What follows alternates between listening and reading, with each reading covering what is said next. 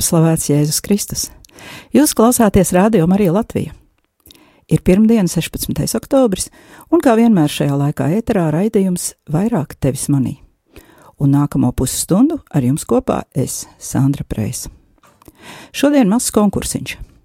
Uzvarētājiem balva un par saņemšanu vienosimies personīgi. Kurš gan nezina leģendāro filmiņu Ezītis Miglā un šo fragmentu?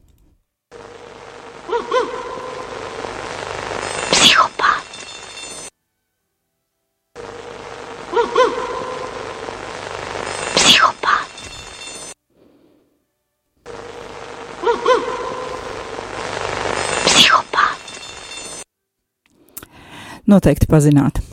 Un lūk, tā tad šīs dienas jautājums konkursam.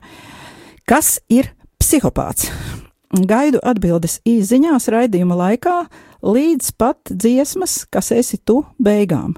Klausieties, kad skanēs dziesma, kas esi tu, dziesmas laikā vēl var rakstīt, pēc dziesmas vairs ne, bet laika ir pietiekami. Numurs īsiņām 266, 77, 272, e-pasts vairāk tevis manī at gmail.com jau varat sākt rakstīt. Tātad konkursa jautājums, kas ir psihopāts un pārsteiguma balva, sazināšos pa e-pastu vai pa e, telefonu atkarībā, kur es būšu saņēmuši šo atbildi. Savukārt šodien pēc raidījuma, jau 22.30 vai drusciņ vēlāk, lūksimies Jēzus visdārgo asiņu litāniju. Atgādinu ētera telefona numuru 679, 69, 131. Zvaniet uzreiz pēc raidījuma beigām, bet eh, šīs dienas raidījumā mēs pārdomāsim, vai manipulācija un cilvēka cieņa ir savstarpēji savienojami jēdzieni. Bet tagad lūksimies Dieva tēva un dēla un svētā gara vārdā Āmen. Tavā patvērumā steidzamies, svētā Dieva dzemdētāja nenicini mūsu lūgšanas, mūsu vajadzībās, bet izglāb mūs vienmēr no visām briesmām. Tu godināmā un svētā jaunava, mūsu valdniece, mūsu vidutāja, mūsu aizbildinātāja. Izlīdzini mūs ar savu dēlu, novēli mūs savam dēlam, stādi mūs savam dēlam priekšā. Lūdz par mums svētā Dieva dzemdētāja, lai mēs Kristus solījumu cienīgi topam. Ak, bezvainīgā sirds! palīdz mums uzvarēt ļaunumu, kas tik viegli ies, iesakņojas mūsdienu cilvēka sirdī. Pasargā mūs no tā, ka Latvijas tauta attālinās no dieva. No jebkāda grēka, no nešķīstības, negodīguma, sautības pasargā mūs. No grēkiem pret cilvēka dzīvību kopš bērna ieņemšanas brīža pasargā mūs. No naida un citu dieva bērnu pazemošanas pasargā mūs. No jebkāda veida sociālās netaisnības pasargā mūs no starpnacionālām nesaskaņām pasargā mūs, no dieva baušļu neievērošanas pasargā mūs, no tā, ka dieva patiesība cilvēku sirdī tiek nomākta, pasargā mūs, no tā, ka zūd izpratne par labo un ļauno pasargā mūs, no grēkiem pret svēto garu pasargā mūs.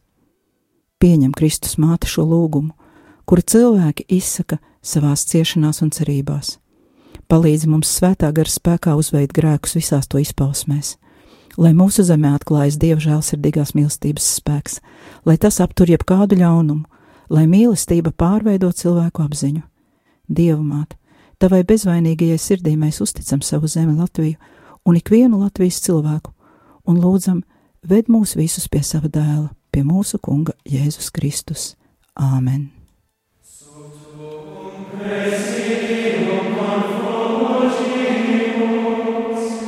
Nostras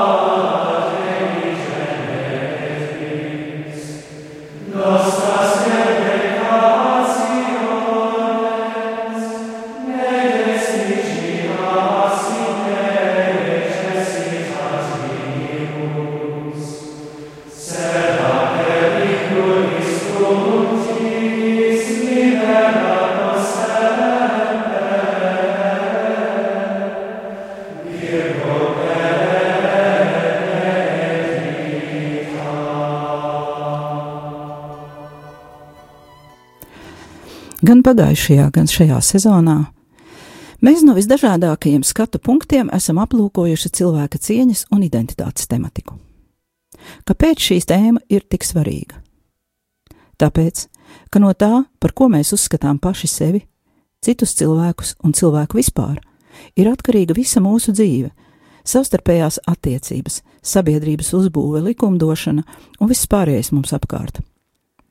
Vēlreiz ļoti īsi, ko saka un kam tic katoļi un kristieši vispār? Pirmā doma, kas ienāk prātā - cilvēks ir radīts pēc dieva līdzības. Ko tas nozīmē? Ja zinām, ka Dievs ir gars radītājs un ka viņš ir substanciāli, jeb kā sakām, ticības apliecībā, būtībā atšķirīgs no jebkuras radības, un vienīgi Kristus ir būtībā līdzīgs tēvam, Dievs no dieva un gaisma no gaismas, tā tad ne jau fizisko īpašību, uh, ne jau par fizisko īpašību līdzību mums ir jārunā. Un tomēr, kā runājām jau 25. septembra un 2. oktobra raidījumos, caur Kristus iemiesošanos dzīvi cilvēka miesā, nāvi un augšām celšanos, mēs esam ieguvuši nevien jaunu identitāti, bet arī tādu līdzību dievam, kuru angļu valodā apzīmē ar vārdu equality, kas nozīmē vienāds, vienlīdzīgs ar dievu, ekvivalents, un arī Bībeles latīņu tulkojumā vulgātā ir lietots vārds ekvalem, vienāds. Tāpat arī nonācām pie atziņas, ka šī vienlīdzība ar Dievu neizpaužas mūsu miesā vai izskatā, bet gan mūsu darbībā. Vai mēs darām Dieva darbus, ja precīzāk, vai esam kā Dievs tajā, kā mēs parādām mīlestību un tajā dalāmies ar citiem? No brīvas gribas un negaidot atalgojumu, un ļoti, ļoti dāsni. Savukārt mūsu miesa ir svēdarīta caur Kristus iemiesošanās noslēpumu. Jo kļūdams cilvēkiem līdzīgs, viņš ārīgi izskatījās kā cilvēks. Filipiešiem 2,7. Savukārt, ja runājam par uzvedības modeli, tad tas ir Jēzus uzvedības modelis, kā apustulis Pāvils tālāk saka Filipiešiem. Savās domās jums ir jābūt tādiem pašiem kā Kristus Jēzus, kam, protams, sako arī darbi. Un tomēr pat tad, ja savos darbos mēs vēl neesam sasnieguši pilnību, jebkuram cilvēkam piemīt neatņemama cieņa no ieņemšanas brīža līdz pat dabiskai nāvei. Tā tic katoļi. Tomēr mēs labi zinām, ka dzīvojam pasaulē, kur kristietība nav vienīgā reliģija un vienīgais pasaules uztvers modelis. Pie tam kristietība nekad arī nav bijusi vienīgā. Tā vienmēr ir atradusies citu reliģiju, dažādu sektu un filozofiju ielenkumā iepriekšējā raidījumā iesākām tēmu par manipulāciju, kur jebkurā tās izpausmē aizskar cilvēka cieņu, kā mēs to definējām. Mūsdienās ar manipulāciju sastopamies arvien biežāk. Tā ir dažādas sejas, tā var būt samērā viegli atpazīstama un primitīva, bet tā var būt arī labi maskēta smadzeņu skalošana un to var realizēt arī ar spēka, varas un varmācības palīdzību. Šīs dienas tēmu es izvēlējos, jo Latvijā par to runā vai nu virspusēji, vai nemaz, bet šī nezināšana var kāda cilvēka dzīvē radīt ārkārtīgi smagas un pat neatgriezniskas problēmas un pat šausmas. Parasti cilvēki, kuri cieši visvairāk, ir no labām ģimenēm - ticīgi, labestīgi, uzticīgi un uzticami, vai arī jaunieši un bērni, kuriem nav dzīves pieredzes. Es ar šo informāciju pirmo reizi sastapos baznīcā savā draudzē. Draudzes prāvests Māris Ozoliņš tieši tā arī pateica: Šodien, pēc misijas katehēzes vietā, došu jums informāciju, kuru vienkārši ir obligāti jāzina, jo neviens cilvēks nevar droši apgalvot, ka viņam to nekad nevajadzēs. Bet šīs zināšanas var kādu izglābt no nopietnām briesmām. Priesteris mums toreiz nolasīja lekciju un iedeva pašaizsardzības testa jautājumus. Tas nenozīmē, ka šovakar jūs kaut ko dzirdēsiet, kas jūs obligāti pasargās pilnībā, bet šīs zināšanas var ievērojami atvieglot situāciju, ja tāda radīsies. Es arī nekādā gadījumā neaicinu uzstādīt ne diagnozes sev, nekādam citam, jo to drīkst tikai psihiatrs, un tas arī nav nekas tāds līdzvērtīgs horoskopam, Tomēr toreiz draudzē pēc lekcijas mēs visi sapratām, ka katrs vismaz kādu reizi esam kaut ko līdzīgu piedzīvojuši vai dzirdējuši no tuviem cilvēkiem. Tāpēc arī muzikālās pauzes laikā varat sagatavot rakstāmos, lai izpildītu ātru testu raidījuma beigās, kuru es nodiktēšu. Bet tagad dziesma. Šīs dziesmas laikā vēl gaidu atbildes uz konkursa jautājumu, kas ir psihopāts. Kas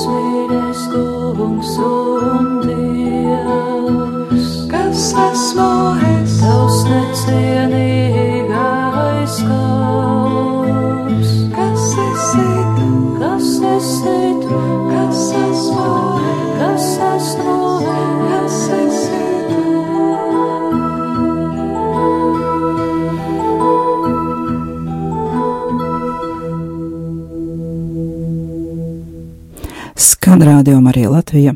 Raidījums vairāk tevis manī. Bet tagad pie raidījuma galvenās daļas. Tālākais materiāls nav iepriekš minētā priestera Māra Ozoliņa lekcija, bet būs par to pašu tēmu.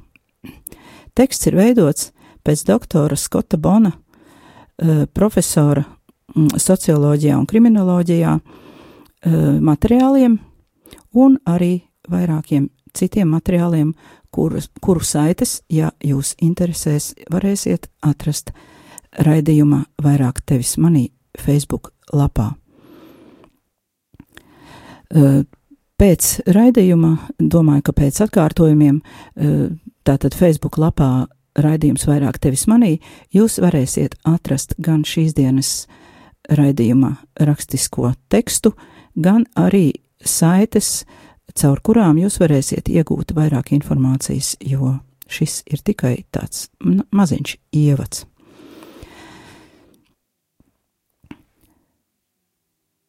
Ja raidījuma laikā, klausoties, jūs atpazīsiet kādu situāciju, kādu cilvēku vai pa, paši sevi, eh, tad to mēs varēsim notestēt raidījuma beigās, bet tagad pie tēmas. Tēma ir svarīga, jo statistika liecina, ka ap 4% sabiedrības locekļu ir ar novirzēm uzvedībā, kuru zinātniskais nosaukums ir psihopātija vai sociopātija. Es saku vai nevis jeb, jo tas nav viens un tas pats. Tātad tāds cilvēks ar šādām uzvedības novirzēm vidēji ir katrs 25. cilvēks, kuru mēs satiekam. Ja kolektīvā, piemēram, ir simts cilvēku, potenciāli vismaz četri no viņiem ir ar šādu uzvedības novirzi. Tie ir maldi, ka šādi cilvēki ir psihiatrisko slimnīcu vai noziedznieku kontingents. Nē, tieši otrādi. Visvairāk tādu ir tieši normālajā vidē. Viņiem bieži ir laba izglītība, labs darbs un nereti arī vadoši amati. Tā kā šo cilvēku galvenā tieksme ir nežēlīgi spēlēties ar citu cilvēku dzīvēm, tad viņi parasti cenšas ieņemt amatus, kuros tiem būtu kāda nosacīta vara, vismaz pār diviem vai trīs cilvēkiem. Šiem cilvēkiem nav baiļu sajūtas, vienīgās bailes ir tikt atmaskotiem. Tāpēc viņi prot labi slēpt savu īsto dabu. Viņi neprot atšķirt labu no ļauna, bet dzīves laikā iemācās tēlot. Šādi cilvēki mēdz strādāt par pedagogiem, psihologiem, mācītājiem, priesteriem, biroju vadītājiem, labdarības organizāciju vadītājiem, direktoriem, politiķiem, līdz pat lielu korporāciju vadītājiem. Viņus mēdz saukt par čūskām uzvalkos vai par cilvēkiem bez sirdsapziņas. Krievu grāmatā, pat krievu, krievu valodā ir grāmata Lišonnijas Sovesti saucās. E, tie ir mūsu sabiedrības plēsoņas, no kuriem ir jāsargā sevi un arī savus draugus iespēju robežās. Kā jau teicu, mums katram ir iespējas dzīves laikā satikt šādus cilvēkus, un ja mēs neesam sagatavoti, tad šādas tikšanās var nomest, novest mūs līdz depresijai, karjeras zaudēšanai, nervu sabrukumam, līdz dažādām problēmām ar savu seksualitāti, pašnāvības tieksmēm un pat līdz reālai pašnāvībai. Bez tam parasti sociopāti prot laikus paiet malā un vai publiski patēlot, ka viņiem ir ļoti žēl, ka jums tik tā dzīvē neiet, vai arī tieši pretēji nokritizēt jūs un spoži pamatot, kur ir jūsu pašu vaina tajā visā, kas ar jums ir noticis un citi cilvēki apkārt viņiem tic. Par tā saukto upuru sprostu jūs varat noklausīties raidījumā mīlestības terapija Radio Marija Latvija arhīvā. Bet, ja par attiecībām ar šādu sociopātu vai psihopātu jūs mēģināsiet kādam stāstīt tīru patiesību, jūs uzskatīs par meli, jo cilvēku labticība neļauj noticēt, ka pasaulē var būt tāds ļaunums. Kamēr cilvēki, kuriem jūs stāstāt par savu pieredzi, paši šo ļaunumu nesatiks aci pret aci, viņi jūs neaizstāvēs un uzskatīs par apmelotāju. Par tādu, kurš tiesā un nespēja piedot, vai par psihiski slimo, kurš pats meklē situācijas, lai kļūtu par upuri. Jums visticamāk būs jācīnās vienatnē. Tā ir cīņa uz dzīvību un nāvi, patiesībā drīzāk uz nāvi nekā uz dzīvību. Katrā gadījumā pēc attiecību pieredzes ar sociopātu vai psihopātu jūs vairs nekad nebūsiet tādi, kāda bijāt pirms šīs satikšanās. Diemžēl.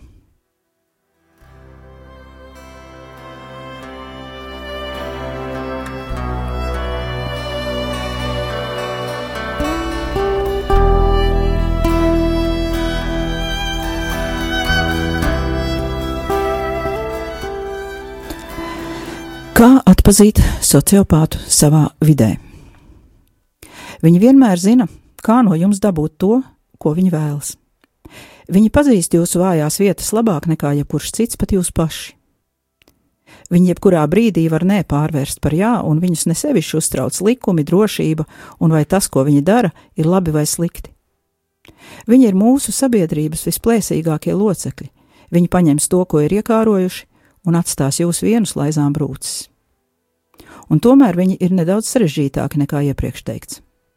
Amerikas Savienotajās valstīs pēdējo gadu laikā termins sociopāts ir kļuvis par nozīmīgu vārdu.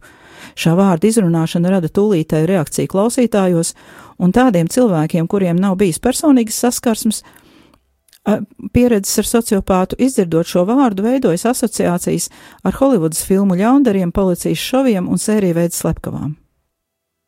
Diemžēl mediju versija par šo apziņas stāvokli ir ārkārtīgi tālu no patiesības. Pirmkārt, definēt, kas ir sociopāts, nemaz nevar tik precīzi un viennozīmīgi. Lielākā daļa cilvēku terminus sociopāts un psihopāts izmanto kā sinonīmus, kuri var viens otru aizvietot, pieturoties pie mentālo slimību diagnostikas un statistikas rokas grāmatas, kurā abi šie stāvokļi pieskaitīti antisociālām personības izmaiņām. Tiem bez šaubām ir daudz kopīgu pazīmju, kā piemēram nicinājums pret autoritātēm un likumības normām, neapdomīga rīcība, empātijas trūkums, jeb nespēja iesties otra cilvēka sajūtās, ignorance pret likumiem un citu cilvēku tiesībām, nespēja izjust sirdsapziņas pārmetumus un sajust savu vainu un nosliec uz vardarbību. Taču atsaucoties uz rakstu Psychology Today, pastāv dažas būtiskas atšķirības. Sociopāti ir vairāk spējīgi izlikties un ārēji pielāgoties nekā psihopāti, tāpēc viņu uzbrukums var būt pilnīgi negaidīts. Turklāt lielākā daļa viņu izdarīto noziegumu ir spontāni un neorganizēti. Psihopāti turpretī ir viltīgāki, viņa noziegumi ir labi pārdomāti un tāpēc grūti atklājami pat policijai. Viņi precīzi prot atdarināt cilvēku emocijas un mīmikas, parasti viņiem ir laba izglītība un stabils darbs. No malas viņi vienkārši izskatās pārgalvīgi un risku mīloši. Tie ir cilvēki, kuri taisa karjeru un kļūst par valsts ierēģiem, valdību un korporāciju vai juridisku firmu vadītājiem, un mēs nevaram aptvert patieso psihopātu skaitu, jo viņi ir ļoti grūti atmaskojami. Tomēr lielākā atšķirība starp psihopātiem un sociopātiem ir viņu stāvokļa izcelsme. Psihopātiju parasti saista ar ģenētisku izcelsmi, kamēr sociopātija tiek uzskatīta par dzīves laikā iegūtu uzvedības modeli. Visbiežāk tās iemesls ir drošības sajūtas, trūkum, drošības sajūtas trūkums bērnībā un vai psiholoģiska vai fiziska vardarbība. Bet vēl, vēl svarīgāka atšķirība ir tajā, ka psihopāti nav lojāli pilnīgi nevienam. Nav nozīmes, vai tas ir ģimenes loceklis vai kāds cilvēks, kurš ir pazīstams jau ilgus gadus. Ja psihopāts uzskatīs, ka labākais viņa interesēm šeit un tagad ir jūs ievainot, un būs pārliecināts, ka pats izkļūs sveikā, viņš pilnīgi noteikti nekavējoties to arī izdarīs. Psihopātiski slepkavas redz savus nevainīgos upurus nevis kā dzīvus cilvēkus, bet kā mākslīgus veidojumus, objektus, kuri ir paredzēti mocīšanai un viņu nežēlīgajām izklaidēm. Tas pats var būt patiesi arī attiecībā uz sociopātu, bet tikai līdz zināmai robežai. Sociopātiem vēl ir saglabājusies lojalitāte, un viņi spēj sajust sirdsapziņas pārmetumus, empātiju un pieķeršanos. Bet viņi to izjūt vienīgi pret nelielu skaitu īpaši izredzētu cilvēku. Tie var būt tuvi draugi vai daži ģimenes locekļi. Bet jebkurš ārpus šās šaurā loka ir uzbrukuma un vajāšanas objekts, medījums. Ja domājam par praktiskiem mērķiem, šīs pārdomas iespējams līdzinās matu skaldīšanai, jo jebkurā gadījumā, ja jums patiešām būs jāstājas jebkādās attiecībās ar sociopātu, tā nebūs patīkama pieredze pat, ja sākumā jums tā tāda liksies. Viņu galvenais attribūts ir mīmikrija. Iekšēji viņi ir personības, bet ārēji līdzinās baltām lapām. Persona, kur viņi prezentē pasaules priekšā, mainās un pielāgojas atkarībā no tās personas, ar kur viņi kontaktē. Kā redzams, tas viņus padara par lieliskiem meļiem, bet tas arī dod iespēju viņus atmaskot un saprast, kas viņi ir patiesībā. Novērojot viņus plašākā cilvēku lokā un dažādās situācijās, jūs pamanīsiet viņu nekonsekvenci. Pievērsiet uzmanību tam, ko viņi runā un kam viņi apgalvo, ka tic, un pēc tam pavērojiet, vai viņi tiešām tā dzīvo. Atcerieties viņu paustos uzskatus un vērojiet, vai viņi tos maina atkarībā no tā, ar ko viņi tajā brīdī runā un neatstājiet nepamanītas ekstrēmas pārvērtības viņu uzvedībā. Tas nav neparasti, ja sociopāts uzvedas klusi un atstāj uz iekšā vērstu cilvēku iespaidu, bet pēkšņi mainās un kļūst par viskaļāko un draudzīgāko cilvēku, kādi, kad jūs būsiet redzējuši. Ir arī citas netik uzkrītošas lietas, jūs, kuras jūs varat izmantot, lai viņu atklātu. Tā kā uz āru vērstā viņa personas puse ir kā balta lapa, viņa vienmēr iesākumā runā nedaudz monotonā tonī, kamēr nav jūs iepazinuši labāk, jo viņi vēl nav sapratuši, kā ar jums jārunā. Un parasti viņi ietur garākas pauzes pirms atbild uz jebkuru jūsu jautājumu. Tas, ko viņi dara, ir mēģinājums izprast jūsu personību, lai saprastu, kāds ir labākais veids, lai uz jums reaģētu. Jums jāatceras, ka tā kā viņi nav spējīgi uz īstām attiecībām ar lielāko daļu cilvēku, viņi skatās uz cilvēkiem līdzīgi kā uz kompjuteru. Eh, priekš viņiem viss notiek datu ievadas izvadas līmenī. Piemēram, ja es runāšu konkrētā veidā, tad es saņemšu attiecīgu atbildi. Sociopāti nekad nestāsta pārāk daudz paši par sevi. Viņi vienmēr cenšas uzturēt sarunu par jums svarīgām lietām, tāpēc, ka pēc viņu sapratnes jebkura saruna ir iespēja piekļūt informācijai. Dažreiz gan, lai padarītu sarunu patiesāku, viņi laiku pa laikam iestarpina arī kaut ko personīgu par sevi bet esiet uzmanīgi, jo tas, ko viņi jums atklāja, ir vai nu stipri pārveidota patiesība, vai arī klājumēli. Viss, ko viņi jums stāsta par sevi, ir domāts tam, lai radītu simpātijas, uzticēšanos un zināmu intimitātes sajūtu. No citas puses skatoties, varētu teikt, ka sociopātiem nav interesanti iesaistīties tērzēšanā vai saviesīgās sarunās. Tas neatbilst viņu mērķiem, un viņi tādas sarunas uzskata par tukšu laiku tērēšanu, jo viņus neinteresē iekļaušanās sociālajās normās vai paradumos. Jūs nevarat viņam pajautāt, ko jūs domājat par pašreizējiem laika apstākļiem, vai kā jums patika vakardienas futbola spēle, un gaidīt, ka saņemsiet kādu īsu atbildi vai vismaz galvas mājienu vai plecu paraustīšanu. Ja tuvosieties viņam ar līdzīgām tēmām, sociopāts jūs vai nu ignorēs, vai pāries uz intīmu sarunu par jums pašu, atkarībā no tā, vai viņam no jums kaut ko vajag vai nē. Pirmkārt, ja jūs esat pārliecinājies, ka konkrētā persona ir sociopāts, vispareizāk būtu ar viņu runāt ļoti tiešā veidā. Viņa nereaģē uz pasīvu agresīvu izturēšanos. Vai nu viņa to vispār nepamana, vai uzskata par jūsu vājumu pazīmi. Jums vajag konfrontēt viņu un saukt vārdā viņa melus un nekonsekvences. Citādi viņš jūs sabradās. Vienmēr, ja viņi ir iesākuši kādas darbības, viņi šīs darbības turpinās tik ilgi, kamēr jūs to pieļausiet. Nu tas ir. Jums ir jānolāk skaidra robeža un nekad no tās neatkāpieties. Un otrkārt, nekad neiedomājieties, ka jūs varat viņus uzvarēt viņu iesāktajā spēlē. Viltība, meli un mīmikrija ir lietas, kuri viņi pie, kuras viņi piekopja nemitīgi. Parasti cilvēkiem ir ilgi jāgatavojas un jāplāno, lai meli izdotos, bet viņiem viss sanāk dabiski. Jūs nekad nepārspēsiet viņus viltībā, vismaz nebezgalīgi. Galu galā vienīgais ceļš, kā satriekt sociopātu, ir savas cieņas apziņa, sevis un savu vājo punktu pazīšana. Ja jūs akceptējat savas vājās vietas un trūkumus un esat ar tiem uz tu, jums ir labākas izredzes aizsargāt sevi no plēsoņām mūsu sabiedrībā, jo var nostrādāt pašaizsardzības instinkts. Vienmēr turieties pie sava viedokļa, neatkāpieties viņu priekšā un nezaudējiet modrību, un konfrontējiet viņus. Ja jūs darīsiet mazāk par šo, viņi iznīcinās jūsos pašu labāko. Tas, kas ir jādara, pārtraukt jebkuras attiecības uzreiz, kā tikai jūs esat sapratusi, sapratuši, ar ko jums ir darīšana. Nākamajā reizē es pastāstīšu daž, dažus piemērus no dzīves, lai vieglāk varētu saprast, ko nozīmē sociopātiska vai psihopātiska uzvedība, jo, un paskatīsimies, kā šie indivīdi izskatās viņu dabiskajā vidē. Bet tagad, kā jau solīju, ātrais testiņš Es nosaukšu jautājumus, un jūs paņemiet papīrīti un vienkārši rakstiet punktus. Eh, kritēriji ir ļoti parasti. Ja eh, atbild uz jautājumu ir pilnīgi tiešām tā ir, tā ir patiesība, liekat divus punktus. Ja patiesība ir apšaubāma, liekat vienu punktu. Ja vispār šis apgalvojums ir nepareizs, liekat nulīti. Galā vienkārši saskaitīsiet kopējo summu, un, ja sanāk vairāk vai vienāds ar 25 punktiem, tas nozīmē, ka no šā cilvēka ir jābēg, bet, ja jūs testējat pašlaik sevi pašu, nu, tad jums ir jādomā, ko tālāk darīt, ja arī varbūt, ka tests ir bijis neprecīzi izpildīts. Tātad,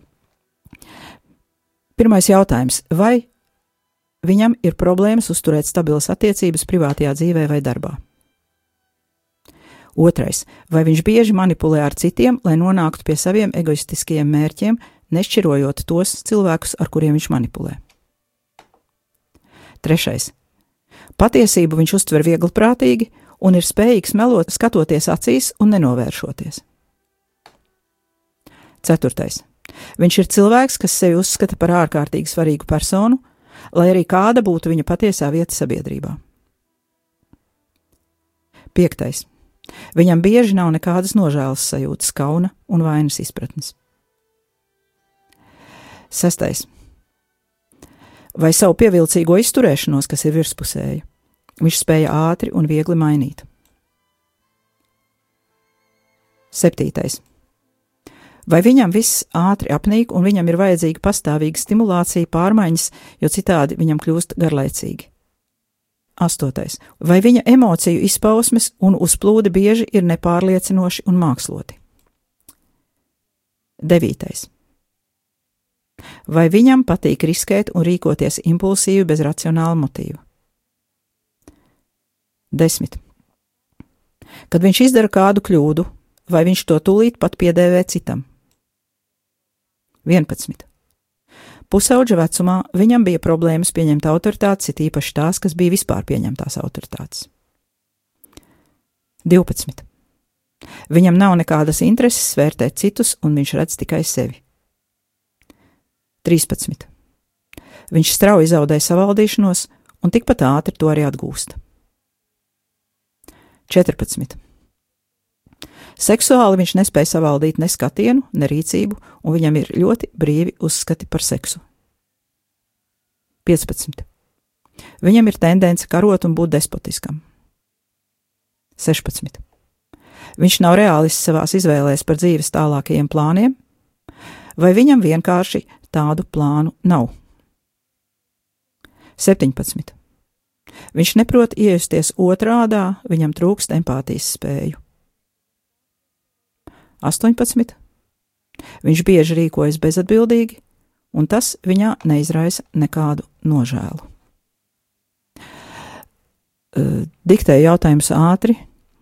Ja jums izdevās atzīmēt šos cipariņus, tātad 25 punkti vai vairāk, tas nozīmē riskantu situāciju. Bet tagad raidījums izskan. Atgādinu, ka pēc raidījuma gaidu zvanus lūksimies Jēzus visdārgo asiņu litāniju. Ētera telefona numurs 679, 69, 131, 679, 669, 131. Un nākamajā reizē tātad palasīsim stāstīņus, dzīves liecības un papētīsim, kā tad tīri praktiski izskatās tas, ko šodien dzirdējām teorētiski. Tagad es no jums atvados un gaidu zvanus uz lūgšanu.